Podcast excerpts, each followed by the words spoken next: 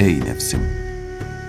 Şunu iyi bil ki, senin en güzel halin, konuştuğun zaman dilini gıybet, dedikodu, yalan, mücadele gibi afetlerden korumandır. Bir de sana ve hiçbir Müslümana zararı olmayacak mübah şeyleri konuşmandır. Fakat sen ihtiyacın olmayan gereksiz kelimeleri sarf edersen, onunla zamanını zayi etmiş olursun ve dilinle konuştuklarının da hesabını verirsin. Değerli olanı feda edip karşılığında değersiz olanı almış olursun. Eğer sen konuşmaya harcadığın zamanı tefekkürle kullansaydın, çoğu zaman tefekkür ettiğin anda Allah Teala'nın rahmetinin güzelliklerine ve büyük ihsanlarına nail olurdun. Şayet bütün noksanlıklardan münezzeh olan Allah'ı zikretsen, La ilahe illallah desen, onu tesbih etsen senin için daha hayırlı olurdu. Öyle güzel sözler vardır ki, onlar sebebiyle kula cennette köşk yapılır. Hazinelerden bir hazine almaya gücü yeten kimse, onun yerine kendisine hiçbir fayda sağlamayacak bir saksı parçası alsa, apaçık zarara uğrayanlardan olur. Bu, Allah Teala'yı zikretmeyi terk edip, her ne kadar günaha girmese bile, kendisine fayda sağlamayacak mübahla meşgul olan kimsenin misalidir. Bu kimse, Yüce Allah'ı zikretmekle elde edeceği büyük kârı yitirerek zarara uğramıştır. Şüphesiz müminin susması tefekkür, bakışı ibret, konuşması da zikir olmalıdır. Resulullah sallallahu aleyhi ve sellem Efendimiz böyle buyurmuştur. Kulun sermayesi vaktidir.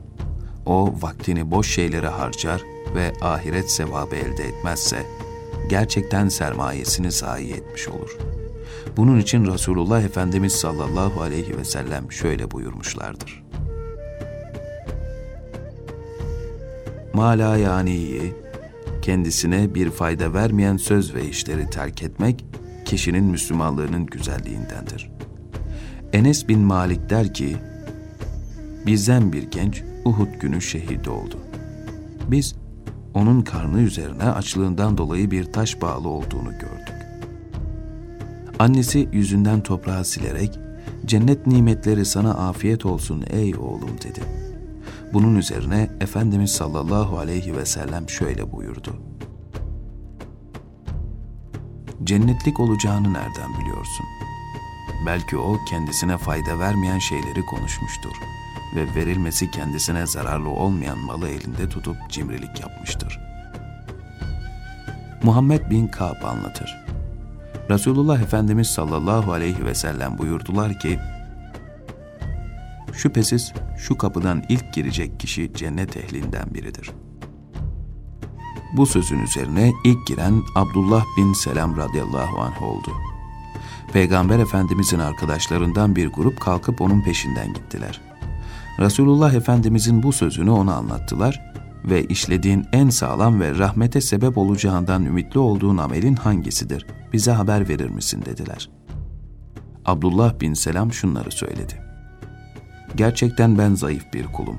Benim yüce Allah'tan ümit var olduğum en kuvvetli amelim, kalbimde hiçbir mümine karşı kin, haset ve düşmanlık bulundurmamam ve bana fayda vermeyecek şeyleri terk etmemdir. Ebu Zer el-Gıfari anlatır. Allah Resulü sallallahu aleyhi ve sellem bana, sana bedene hafif, mizana ağır gelecek olan bir amel öğreteyim mi diye sordu. Ben de, Evet, öğret ey Allah'ın Resulü dedim. Peygamber Efendimiz, o susmak, güzel ahlak sahibi olmak ve sana fayda sağlamayacak şeyleri terk etmektir buyurdu. Tabiinden Mücahit bin Cübeyr radıyallahu anh der ki, İbn Abbas'ın şöyle buyurduğunu işittim. Beş haslet var ki onlar bana Allah için vakfedilmiş çok sayıda maldan, deveden ve atlardan daha sevimlidir.'' Bu hasletler şunlardır. Birincisi, seni ilgilendirmeyen şeyleri konuşma. Zira o fuzulidir ve bundan dolayı günaha düşmeyeceğinden de emin değilim. Yerinde olmadığı zaman seni ilgilendiren konuda da konuşma. Çünkü nice konuşanlar vardır ki kendisini ilgilendiren konuyu yerinde söylemez, sonunda sıkıntıya düşer. İkincisi, Yumuşak huylu olsun, ahmak olsun, hiç kimseyle mücadele etme. Çünkü yumuşak huylu olan sana kalbiyle buğz eder. Ahmaksa diliyle eziyet eder. Üçüncüsü, arkadaşın yanında yokken onu, senin hakkında söylediğinde hoşlanacağın sıfatlarla an.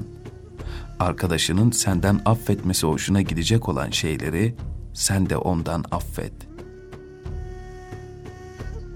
Dördüncüsü, arkadaşının hangi davranışı hoşuna gidiyorsa, sen de ona öyle davran.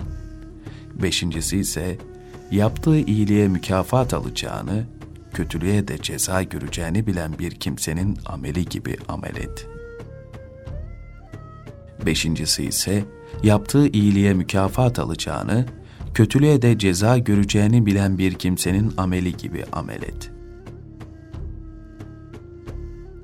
Lokman Hekim'e senin hikmetin nedir diye sorulunca şöyle cevap vermiş. Ben yapmam gerekmeyen şeyi sormam. Beni ilgilendirmeyen şeyin de peşine düşmem. Hazreti Ömer de der ki, seni ilgilendirmeyen şeyin peşine düşme. Düşmanından uzaklaş.